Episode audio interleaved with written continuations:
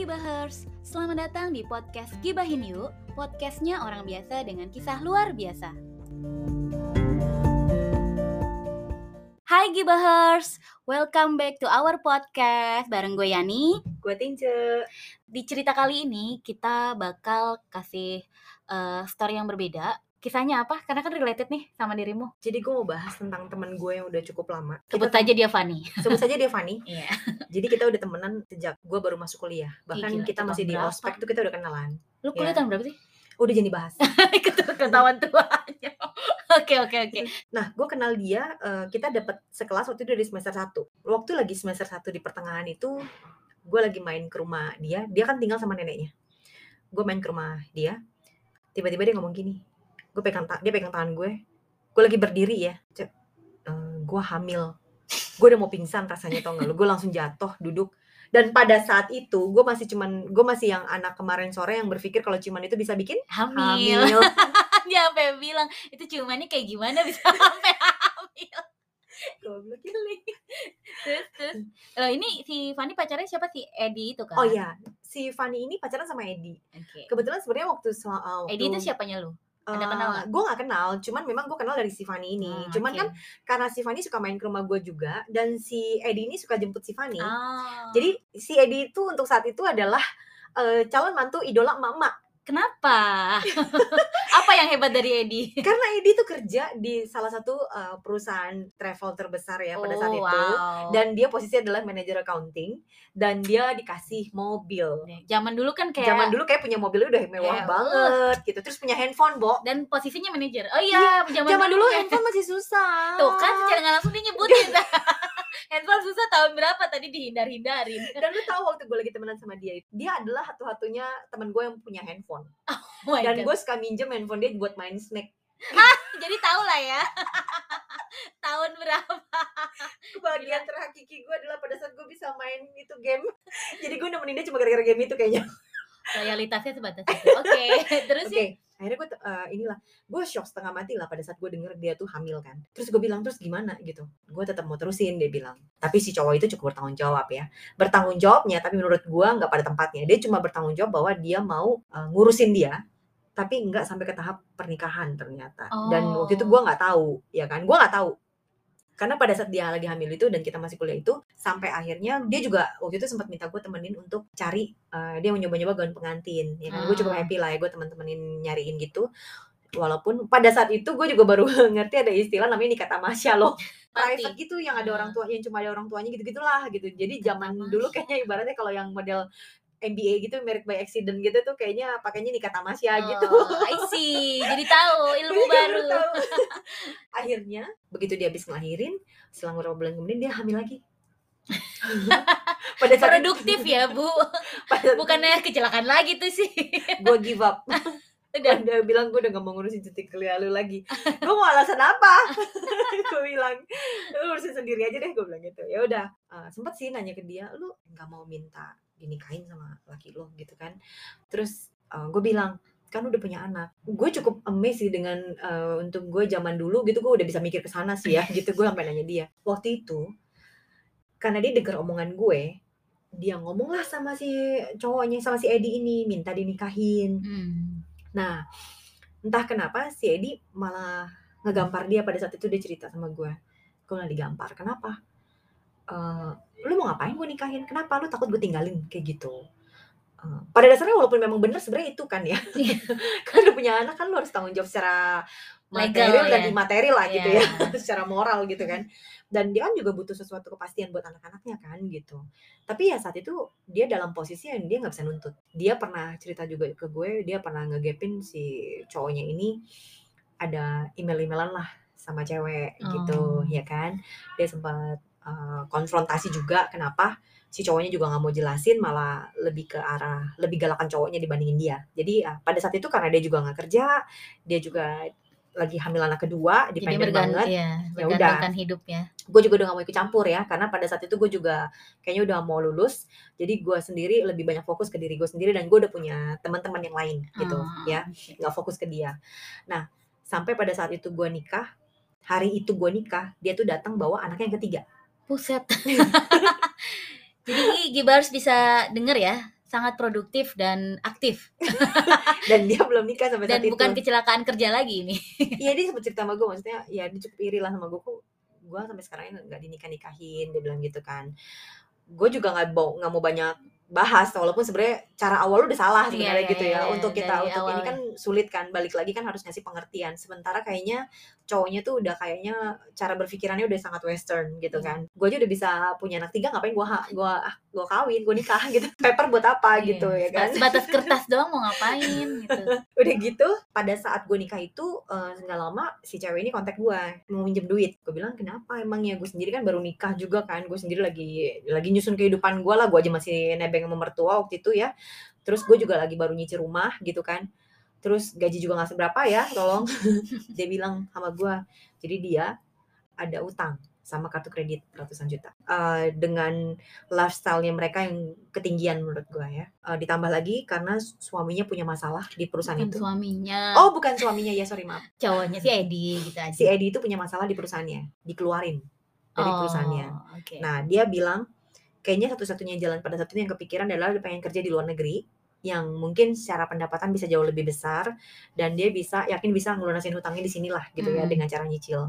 Gue bilang, lu yakin? Lu long distance lo nggak gampang lu punya anak tiga men, satu masih kecil gila. Ini gimana ngurusinnya kalau nggak ada laki gitu kan, susah kan gitu. Dia bilang ya mau gimana daripada gue dikejarin debt collector sekarang tiap hari, dia bilang gitu kan. Dia udah stres banget juga nggak ada pendapatan. Nah pada saat itu gue punya penpal di Amerika. Gue Handphone apaan sih? Semacam eh, messenger. temen chatting lah Iya, ya, iya, zaman iya. dulu tapi dulu kan masih pakainya Maresi atau ICQ ya Allah tua amat gue ya Nggak tahu gua. Lu belum lahir belum belum. Terus terus akhirnya eh, ya udah gue kenal nih orang memang cuma by chatting doang tapi ini orang memang baik lah. Maksudnya jarang banget ketemu teman chatting yang nggak aneh-aneh gitu. Dia tuh Ih. seru banget dia tuh koki di sana. Oh, terus ngobrol-ngobrol-ngobrol terus gue waktu itu gue memang sih gue agak sedikit masalah gue bohong sama dia gue bilang koko gue ah. butuh kerjaan. Dia udah punya anak istri gue alasannya begitu gitu. Ya udah akhirnya dia mau nampung. Ya udah suruh ke sini aja ntar gue tolongin. Nah akhirnya terbanglah dia nih. Ya si Edi ini pergilah ke Amerika dengan eh, jaminan teman gue tadi. Nah teman gue itu bener-bener nampung dia nyariin dia kerjaan segala macem lah. Sampai dia bener settle di sana. Serius. Terus si Edi ini akhirnya ya bener long distance sama si teman gue ini sama si Fanny dia tetap ngasih tuh uang bulanan segala macem menurut gue pada saat itu dia cerita dia tuh zaman dulu ya ya ilah kayaknya gue yang gue cerita manajer gue gaji staff 4 juta setengah dia dapat 20 juta sebulan Gila. dapat 20 juta sebulan tuh dari eh, si cowok ini buat ngurusin anaknya tiga berikut sama Cicilan. cicilan itulah Kartu gitu ya. Tapi menurut gue karena dia tinggalnya di daerah Jakarta Pusat yang juga nggak terlalu mahal life costnya, harusnya cukup gitu. Pada saat itu uang sekolah dia sempat cerita juga nggak nyampe gope kok untuk anak dua ya kalau nggak salah. Nah udah gitu eh, akhirnya kan eh, berjalannya waktu nih karena long distance kan nggak usah inilah nggak usah yang married couple lah, yang nggak married apalagi gitu pasti lebih Iya. tough gitu ya. Si cewek ini mulailah pacaran gitu ya dengan beberapa orang lain gitu. Tanpa semutan si cowok tanpa semutan Edi. Dan gue juga kayaknya nggak mungkin juga dengan kapasitas gue untuk ngadu-ngaduin dia juga buat Iyalah. apa gitu ya. Kayaknya hidup gue lebih ri- ribet daripada itu kayaknya. Ngurusin rumah, rumah tangga orang gitu. Eh, tau nggak? Tapi dia setiap pacaran lu pasti tahu maksudnya. gue pasti tahu karena dia pasti cerita sama gue dan bawa cowoknya ke gue oke jadi gue tahu semua cowok-cowoknya. Oh. nah sampai pada akhirnya dia dia eh, tadinya kan dia sorry kan waktu itu kan waktu si Edi berangkat ke Amerika itu si Fanny ini sama anak-anaknya masih tinggal sama orang tuanya si Edi loh Hmm. karena dia dikasih lantai paling atas untuk mereka sendiri pakai bahkan ada dapur sendiri segala macam ibarat kayak flat gitulah Iya, ya iya. gitu yang gue dengar dari dia pada saat itu ketahuan dia ada pacaran di luar itu akhirnya dia di saat dia keluar gue nggak tahu dia yang keluar apa dikeluarin gue nggak ngerti Iya. tapi dia keluar dari rumah itu dia ngontrak Oke. ya kan otomatis kan life costnya nambah nih nah dia ngontrak segala macam gue nggak tahu apakah si Edi ini tetap ngasih uang segitu apa enggak gue nggak ngerti ya gue nggak udah nggak update lagi kondisi itu karena gue nggak nanya lagi.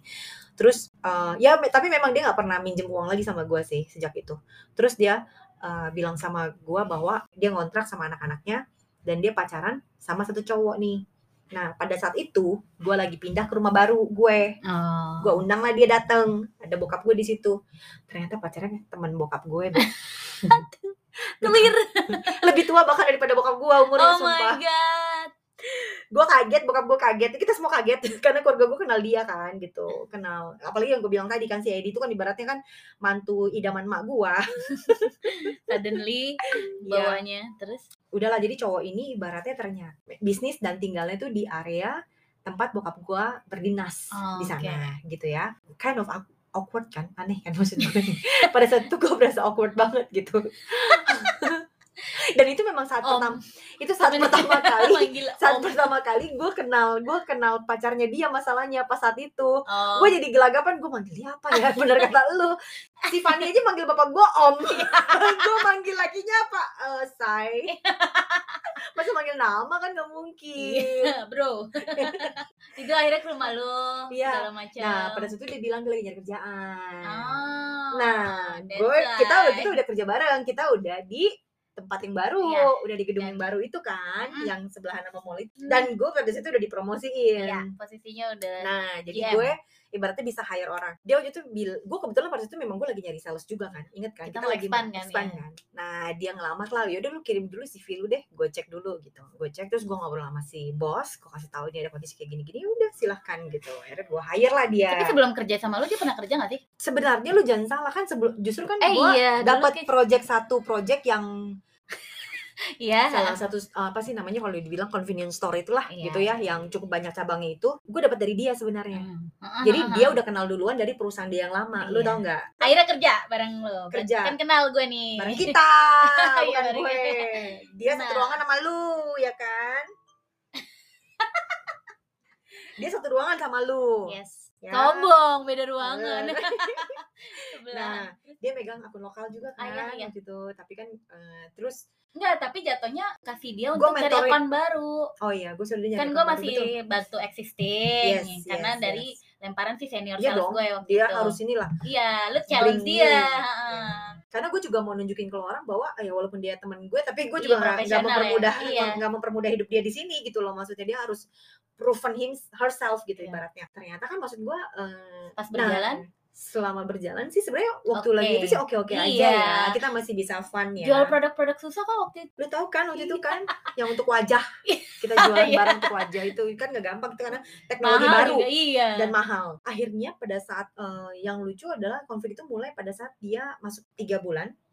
Gue harus nge video pertama. Yang kedua, pada saat itu di saat yang bersamaan kita ngebagiin seragam. Apa namanya? Gue kan punya rules yang gue bikin sebenarnya ya untuk di situ. Di mana? Iya dong. Kalau orang masih dalam probation, ngapain gue kasih seragam? Iya. Lu kata murah seragam. Orang satunya gue bayar seratus ribu. Anjir mahal banget loh itu. Lu kebayang nggak satu orang dikasih tiga? Pada saat itu pertama, gue sempat dengar cerita bahwa mulai nggak sehat nih hubungan pertemanan dan pekerjaannya udah mulai nggak sehat Mulai karena gue sering negor gitu. karena gue Ah. sering negor dia gue banyak sekali hal-hal yang kayak lu kan tahu yang dia sering keluar tapi dia nggak ada juntrungannya kan nggak ada Iya. hasil kan Iya. nah kan di situ gue tekan dia kan nah dia nggak happy tuh di situ dia merasa bahwa ih kenapa sih lu pointing ke gue banget gitu Iya. padahal loh kan gue butuh report kalau report lu nggak jelas kan bagaimana gue bisa pertanggung jawabin juga dan gue yakin resultnya nggak bakal ada gitu Karena dia masih menganggap lu itu teman, iya dia bukan ngegampangin bos. gue Iya, bukan atasan. dia ngegampangin gue dan dia merasa gue harus approve segala tindakan dia karena dia teman gue Iya. gitu maksud gue tuh gini mungkin dulu dia merasa bahwa gue selalu ada buat dia Deket kan ya. gue deket Iya. sama dia kan dia kayaknya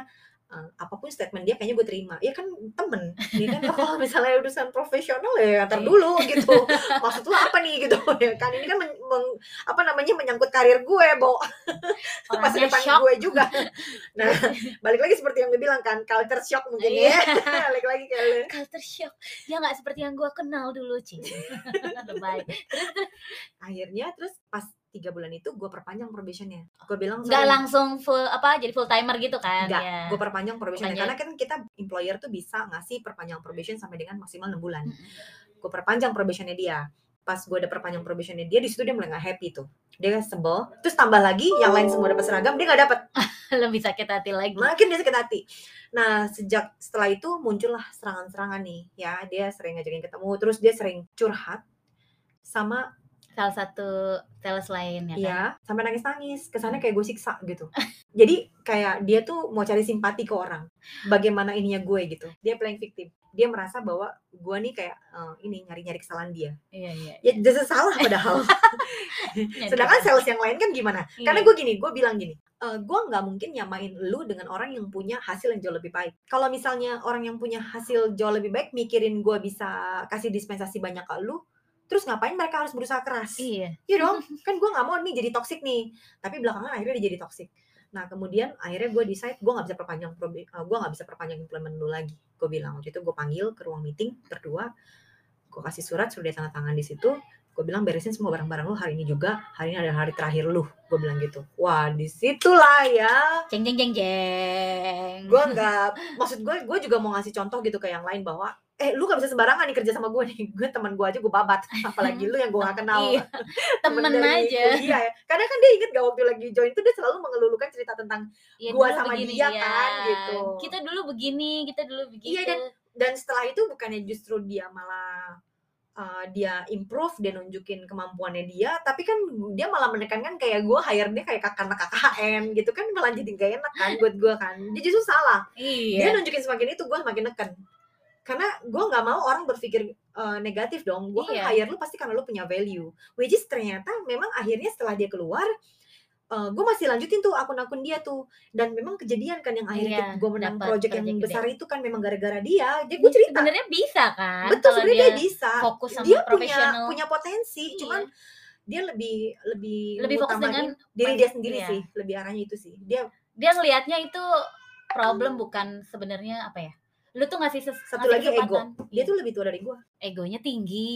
dan pada saat itu dia yang gue kasih instruksi kan Iya, dan secara Apa yang dia- tua. ide yang dia kasih kalau gue koreksi dia nggak suka gitu ego umur ya maksudnya jadi. ya jadi terus dia merasa juga selama ini kan gue yang lebih ini ngomong lu bukannya lu yang ngomong gue gitu itu jadi nggak gampang lu pertemanan masuk ke dalam urusan profesional lu loh Uh, gitu ya. berat banget. oh gue udah hilang teman berapa banyak cuma gara-gara begituan Aduh. akhirnya terus Dia begitu- nggak udah di lab udah keluar lu kan keluarin. Hah? terus dia mulai nyerang lu nyerang gue kan Ya, jadi ada satu momen, ini kita udah nih, dia udah nggak kerja lagi di kantor kita. jadi ada satu momen, kan kita be- masih berteman di sosial media gitu zaman dulu. Ini dong pasti update-update status, masih rajin ngeliat sosial media yang warna biru itu dulu Facebook. Akhirnya gue sebut juga Facebook. itu kita nggak nyangka dia nulis satu status yang nyindir-nyindir gue dan itu berasa banget, itu jelas banget itu gue karena dia bikin statusnya yang gue inget adalah gue nggak tahu detail kata kata-katanya gimana tapi intinya kayak tuh orang tuh carmuk banget sama temen gue gitu itu kan kayak udah spesifik terus juga Tapi- tapi gua- lu gue iya. juga di gue juga dan itu ada beberapa kalimat yang juga gue eh, dikatain sok juga karena lu juga. mentang-mentang udah jadi ini jadi Iya, eh, jadi kayak personal banget kayaknya mungkin dia masih sakit hati karena di cut off kan. Tapi si Tinchen ini nggak cerita eh nggak baca status itu, gue nggak baca gue ditunjukin sama. Temen Gue tahu karena kan Hmm. raj- biasa kita kan rajin buka sosmed ya, dia enggak. kayaknya permasalahan hidup gue dan permasalahan kantor lebih banyak daripada itu dah Iya dia lebih sibuk kalau kita masih asik buka ini. Gue walaupun tahu ya udah kan nggak cerita. Si senior gue yang emang agak aktif dia ceritain lah, ke gue nunjukin gue eh, nunjukin Ih, lu lihat deh nih temen lu punya status emosi lah dia. tau gue kan kayak kompor meledak Uh. bisa dipasang sumbu dikit Hmm, gila. Lu apa yang- ngapain? oh tapi gue kan bukannya ngomel di tempat langsung Ah. lah gue telepon bapak gue Kenapa sih dengan bapaknya? pada saat dia ngata-ngatain gue di Facebook itu itu gue satu gue nggak terima. Gue pengen nuntut dia secara hukum dengan pencemaran nama baik karena bokap gue polisi Oh saat my itu. God. itu senjata dia paling kuat. Terus? Itu another story lagi yang gue mau ceritain. Dan gara-gara bokap gue polisi itu gue suka petentang petenteng gue nggak pakai sim sampai sampai dia bapak gue terus terus. Berarti Oke. sebenarnya dia bisa melanggar beberapa ini kan? sebenarnya iya. Terus kan eh, dan bokap gue begitu dengar ceritanya juga dia agak kesel kan kan gue ceritain tentang waktu dia kerja gimana segala macam gitu terus dia kayak terus ngapain dia ngata-ngatain gue terus dia Iya, iya. sempat maksudnya dia sempat jadi toxic buat gue di, Kantor. di lingkungan kantor gitu dan bokap gue hari itu juga langsung telepon si pacarnya itu bilang kalau sampai cewek lu itu kagak nelfon kagak minta maaf sama anak gue malam ini juga besok lu gue kandangin Sama dihapus statusnya. iya Itu sama kan- hapus statusnya Iya. dan gak apa yang terjadi setelah itu gak lama kemudian dia telepon gue begitu gue liat nama dia yang muncul di screen gue gue yang gemeteran. Hmm, Nelpon. kenapa nih hebat banget bokap gue. Akhirnya gue angkat kan. Oh, dia bilang iya gue mau minta maaf nih sama lu gitu. Tiba-tiba dia ngomong kayak gitu gitu loh. Di bawah tekanan. "Hmm." Terus? Terus gue sempat tanya sih lu kenapa sih? Kayak gitu ya kan. Maksudnya kan kita kan teman baik-baik gitu Uh, dan maksudnya gue tegur lu kan memang karena lu ada salah kan gue bilang gitu bukannya karena lu nggak ada salah. Ya dia ngakuin sebenarnya cuma kan menurut dia ya gue nggak biasa aja gitu tegur-tegur lu dia bilang begitu kan. Ya mungkin memang kita nggak cocok nih kalau kerja bareng gitu. Hmm. jadi kayaknya mungkin lebih baik memang kita cuma jadi teman aja. Ya udah sih saat itu udah minta maaf. Terus akhirnya uh, karena mungkin gini ya gue bilang tadi ya karena udah temenan udah lama banget kita juga udah tahu sifat masing-masing juga ya jadi ya mungkin lebih banyak gue maklumin juga dia juga maklumin juga dengan kondisi gue yang mungkin juga uh, apa namanya yang keras juga kalau pas kerja gitu ya udah Ya kita udah. malah balik temenan lagi. Iya, akhirnya mereka balik temenan, gibahers. Gue juga sempat ketemu ke orangnya kan, berapa kali iya. kita makan bareng. Jadi intinya tuh sebenarnya gini, yang sampai akhirnya tuh uh, temen gue ini juga nggak punya jaminan apa-apa. Tetap dia kan? Oh, gue belum nggak merit kan? Ya, ya dia tetap nggak merit sampai dengan akhir. Dia dan si sempat kerja di beberapa. Dia kerja jadinya, jadi dia mau nggak mau jadi banting tulang karena hmm. ternyata akhirnya dia terakhir tuh dia baru cerita sama gue kalau si cowoknya itu udah ngurangin uh, jatah bulanannya. Hmm. Bahkan jadi gini, uh, tambah lagi sebenarnya gini, karena teman gue udah biasa, lu inget kan yang tadi gue cerita waktu gaji gue empat juta setengahnya dia udah dapat tunjangan dua puluh juta bulan. Walaupun setengahnya dia buat bayar utang ya. Zaman dulu. Tapi 10 juta udah bisa ngapain lah gila Iya, gua, zaman dulu, gila. Gila lu udah bisa nyicil rumah gue aja gitu Iya, ya. betul betul. Terus akhirnya dia uh, ini uh, dengan keuangan dia itu dia malah naikin lifestyle-nya dia. Dia Salah, punya ya. apa? Supir, supir, mobil. ya ampun kalah GM gue. Jin, dia pakai supir gue gimana? gue nyetir sendiri, ya Allah. Debak dia. Gila, gila. Gak kepikiran, eh supir aja gajinya udah berapa kan? Iya, dan akhirnya pada dia belum nyicil mobil katanya. Nah, nah, itu dia ketahuan tuh dia pacaran sama si cowok yang tua itu. Nah, udah gitu si um, Edi itu langsung motong jatahnya dia. Oh. Karena dia merasa loh kan lu udah punya ini suruh dia aja yeah, yeah. tapi si Edi tetap bertanggung jawab terhadap anak-anaknya. Jadi uh, sempat juga karena dia ada masalah keuangan kemarin itu dia sempat juga uang sekolah dari yang dikasih sama si Edi ke dia buat bayar uang sekolah anak-anaknya dipakai buat uh, cicilan mobil sama bayar supir. Astaga. Kayak gitu. Akhirnya kan kayak menggunung kan. Iya. Jadi sampai ternyata uh, anaknya tuh nggak bisa bayar uang sekolah OMG. Udah berapa bulan nunggak. Nah, si entah gue nggak ngerti bagaimana keluarganya si cowok ini tahu nyampein ke si Edi. Nah, si Edi akhirnya sejak saat itu langsung uh, nyetop uang yang ditransfer ke dia. Ibaratnya kayak dia cuma ngasih uang bulanan buat uh, expenses anak-anaknya 3 juta sebulan tapi uang sekolah anaknya langsung mamanya bayar. si Edi yang bayarin. Oh, langsung Dia bayarin. udah gak ngasih lagi si Fanny. Udah gak percaya. Iya, hmm. udah gak percayain uang sekolah itu ke si Fanny. Jadi ya menurut gue tapi secara itu si si Edi masih gentleman iya. banget ya, masih mau tanggung jawab sama anak tiga anak itu ya. Uh, menurut gue si Fanny-nya jadi lebih egois pada saat di awal karena dia hanya mikirin oh ya udah gue udah hamil, I can do it uh, sama dia karena kan hmm. contoh gini nggak ada yang tahu kan ternyata si Edi akhirnya keluar dari perusahaan itu kan iya. iya kan kita kan nggak ada yang tahu masa depan betul iya kan nah sedangkan jaminan untuk masa depan untuk si anaknya bagaimana iya. akhirnya ya kan kita nggak ada yang nggak ada yang bisa predicted bahwa oh ya saat ini hidup lu fine roda lu lagi di atas lu nggak tahu kapan roda lu ada di bawah gitu. dan dia nggak prepare buat itu dia jadi kayak prepare. nganggap itu akan terus ada uangnya Betul. segala macam yang tadinya mungkin si Edinya masih tanggung jawab dengan ngasih lo duit segitu banyak terus dengan kelakuan dia sendiri yang akhirnya malah bikin susah hidupnya dia sendiri dan bukan cuma hidup hidup dia sendiri loh hidup anak-anaknya jadi loh, gitu. korban gitu. kan iya itu yang jadi yang menurut gue sangat disayangkan jadi buat gue sebenarnya memang orang kalau mau hidup kayaknya lu harus berpikir panjang juga sih ya hmm, mikir um, ke depan ya apa pun konsekuensinya tentu pasti lu akan bertanggung jawab tentu tapi lu harus berpikir ada efeknya nggak hmm. untuk orang yang lu bawa gitu kayak anak lu orang tua lu ya gitu intinya terencana dan lu jangan egois gitu iya hanya karena lu lihat sesuatu itu uh, di depan mata saat ini lu punya segalanya Mm-hmm. We never know lima tahun, sekian. Apalagi hati orang kita nggak bisa kendaliin kan? Iya. Kita nggak boleh melakukan pembiaran menurut gua. Pembiaran Apalagi sebagai pembiaran tuh kayak cewek gitu kan suka kadang oh yaudah nggak apa-apa. Oh ya, gitu. ya udahlah kita meng kayak toleransi dia, menurut gitu. gue kalau dia fight di awal untuk dia tetap nikahin menurut gue juga cowok iya, itu nggak akan punya sebelum pilihan. anak kedua anak ketiga logikanya dia let it happen kan jadi yeah. kayak oh mungkin ya udahlah justru gitu. karena akhirnya punya anak kedua dan anak ketiga jadi si cowok ini merasa oh it's fine iya ya dia udah juga, dia juga nggak apa-apa bedanya kok, gitu. apa gitu just a piece of paper eh, cuman di paper doang dan dia si ceweknya juga nggak mikir bertanggung jawab gitu Bahers, thank you udah dengerin podcast kita hari ini. Sampai ketemu di podcast selanjutnya yang akan ngebahas kisah luar biasa dari orang biasa. Bye!